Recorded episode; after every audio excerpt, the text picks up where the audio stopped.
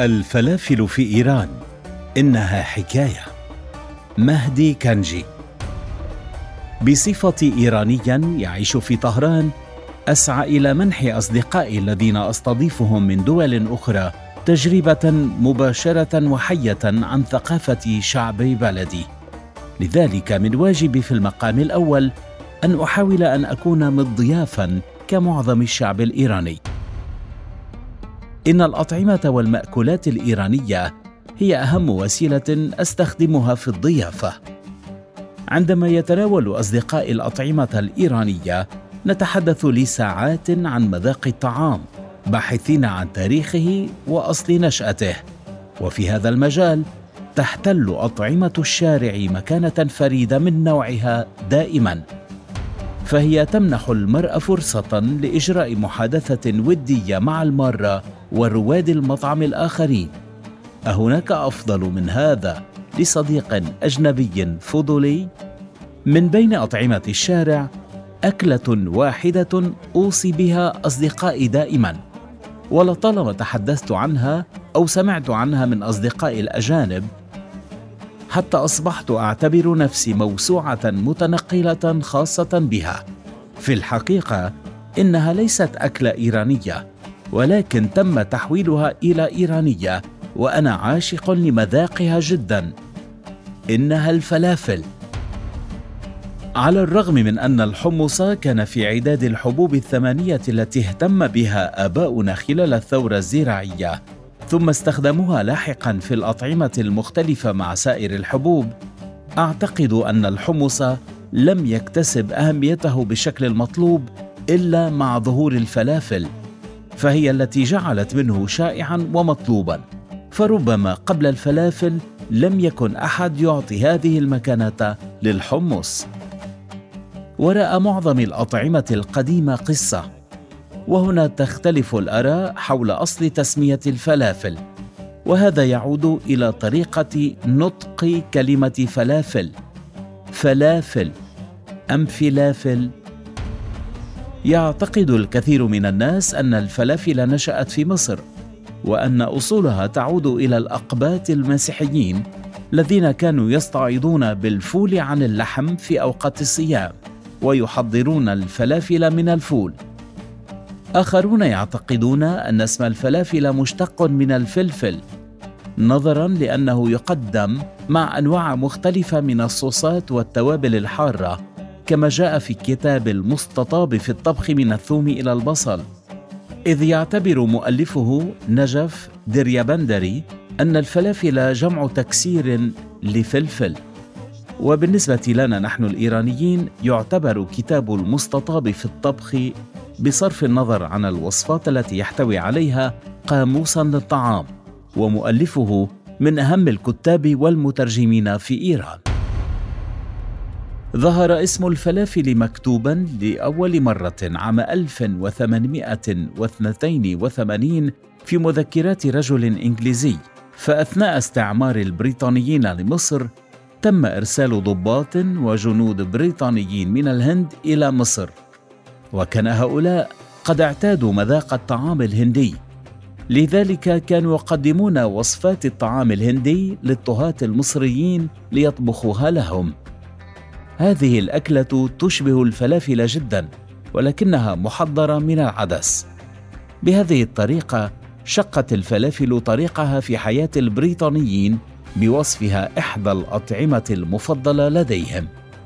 على أي حال يعتقد الجميع اليوم أن الفلافل طعام شرق أوسطي ومع انتشاره حل الحمص محل الفول أو العدس. ونحن الآن نعتبر الحمص المكون الرئيسي للفلافل وبصرف النظر عن نشأة الفلافل في لبنان وبغداد أو في شوارع طهران فإن سؤالنا هو كيف وصلت الفلافل إلى شوارع طهران؟ قبل أن تصبح الفلافل أحد أهم الأطعمة في طهران وصلت أولاً عبر العراق إلى جنوب إيران كمدن عبدان والأهواز وبندر عباس. تقع عبدان بالقرب من الحدود الإيرانية العراقية. وربما من خلال ذهاب الناس وإيابهم إلى جانبي الحدود وقعت أعين سكان عبدان على جمال الفلافل. إلا أن سكان هذه المدينة الذين يتحدث بعضهم العربية يعتقدون أن مدينتهم هي مسقط رأس الفلافل في إيران. ولديهم قصة فريدة أخرى في هذا المجال. فهم يعتقدون أنه في أوائل الستينيات عاد رجل عبداني الأصل إلى عبدان مع زوجته اللبنانية بعد سنوات عديدة من الغربة وكان يتطلع إلى بدء عمل تجاري فيها. فافتتح مطعما لبيع الفلافل بناء لطلب زوجته. وكانت الزوجة تصنع العجينة الخاصة بالفلافل على طريقة جدتها اللبنانية. وكان الرجل يدير العمل. وهكذا تعرفت أفواه سكان عبدان على الفلافل وامتلأت المدينة بالمطاعم والأكشاك التي تبيعها. ولا يزال سكان هذه المدينة إلى يومنا هذا لا يرضون بالفلافل التي يتم تحضيرها في مناطق أخرى من إيران ويحبون فقط الفلافل الخاصة بهم. قبل انتصار الثورة الإسلامية في إيران عام 79 كانت عبدان مدينة سياحية وحديثة تحتوي أكبر مصفاة نفط في العالم. لذلك تعرف العمال والناس خلال ترددهم على عبدان من جميع أنحاء إيران على طعم الفلافل العبدانية. فالفلافل العبدانية هي نفس الفلافل اللبنانية التي سجلوها باسمهم حارة ومليئة بالتوابل مع صوص المانجا أو صوص الطماطم الحار. في عام 1980 عندما هاجم العراق حدود إيران كانت عبدان في الخط الأمامي للمواجهة. لذلك ترك المنكوبون منازلهم وحياتهم وذهبوا إلى مدن إيرانية أخرى. لكنهم أخذوا معهم أيضا الفلافل. وشيئا فشيئا افتتح العبدانيون أكشاك الفلافل والسمبوسة في باقي أنحاء إيران. قضيت فترة مراهقتي في مدن غرب إيران. اشتريت أول ساندويش فلافل من أحد الكشكات وكان صاحبه من عبدان ذا لهجة مميزة وأسمر. كان يتكلم بحماس ويصف لنا عبدان قبل الحرب حتى ظننا أنها منافسة باريس دون منازع. كانت الدكاكين التي تبيع الفلافل قليلة في طهران. إذا أردت تناول فلافل حقيقية كان عليك الذهاب إلى منطقة دولت أباد أو أطراف البازار القديم. تقع منطقة دولت أباد جنوب شرقي طهران منطقة العرب وقسم منهم إيرانيون معاودون كانوا في السابق يقيمون في العراق وفي زمن صدام حسين رحلوا إلى إيران. حرب صدام مع الشيعة والإيرانيين قديمة. وإن كانوا فقراء ولكنهم استخدموا ثقافة الغذاء إذ أعدوا الفلافل. بعد الحرب في سوريا ولبنان سكن المنطقة السوريون واللبنانيون والعراقيون وباتت أصالة الطعام مضمونة كأن قصة الحروب مربوطة برحلة الفلافل. دخل الإيرانيون في الأعوام الأخيرة من أجل العقوبات حربا جديدة. الحرب الاقتصادية. هبطت العملة الإيرانية وأصبح تناول الوجبات السريعة وشراء اللحوم صعبا على الطبقة العاملة. ولكن في مثل هذه الظروف اشتعل سوق الفلافل في شوارع العاصمة.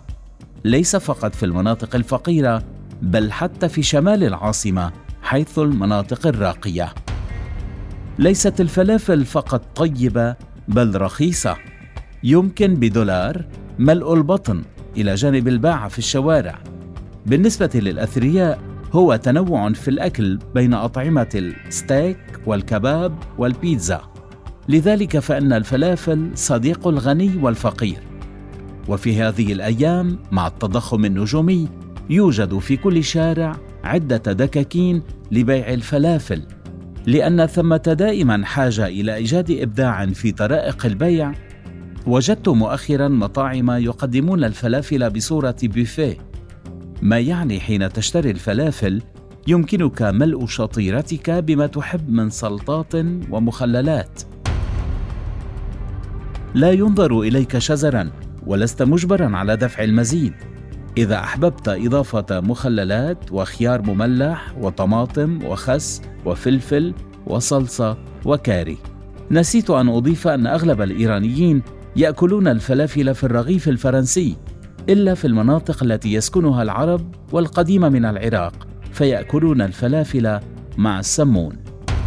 من إبداعات الإيرانيين الأخرى هو الفلافل المركبة مثل فلاسيس الفلافل مع النقانق إلى جانب الفلابرجر فلافل مع برجر وفلاميكس فلافل مع نقانق حارة أو كافل مرتديلا وفلافل.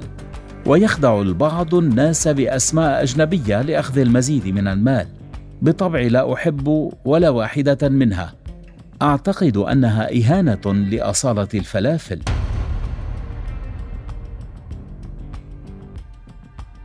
في هذه الأيام التي زاد فيها آكلة الفلافل في إيران دخلت الصناعة فيها. قامت شركة بصناعة جهاز يمكنه إعداد ألف حبة فلافل في ساعة. الأكثر مبيعا لإحدى شركات الوجبات السريعة هو الفلافل. يقول مدير الشركة إنهم يريدون في المستقبل تقديم فلافل بالباذنجان بدل الحمص. لو أضفنا إلى هذه الإحصائية سلسلة المطاعم التي تبيع الفلافل فقط لوجدنا أن عدد المحبين لها في إيران ليس بقليل. الفلافل الطعام الوطني مرة دعوت صديقي من أهل نيويورك على فلافل في طهران. كان من المدهش أنه تناول ذات مرة نفس الوجبة في نيويورك حسب ما قاله في الكثير من مدن أمريكا الشمالية يعدون الفلافل الشرق اوسطيون وخاصة العرب يحتمل من أجل ذلك وضع له يوما عالميا في كل عام في 12 حزيران يونيو يتجمع محبو الفلافل يحتفلون في اليوم العالمي للفلافل ويرشحون الفلافل لمن لم يذقها. بيد أن ليس جميع محبي الفلافل أصدقاء وأحبة إلى درجة أن أصبح موضوع الفلافل من أكثر الموضوعات الثقافية جدلا بين إسرائيل وفلسطين. يرجع الأمر إلى عام 48 في فترة تشكل إسرائيل حين بدأ العمل على مشروع جعل الفلافل وطنية لهذا البلد الجديد. كانت الفلافل بداية عامل مشترك لفتح علاقة مع الفلسطينيين، ولكن مع الوقت أصبح ذلك أمرا لكسب هوية للإسرائيليين، حين أعلنوا في كتب الطبخ أنها طعام وطني، أنشد الشعراء القصائد فيها وأدخلها المغنون كرمز إسرائيلي في الأغاني.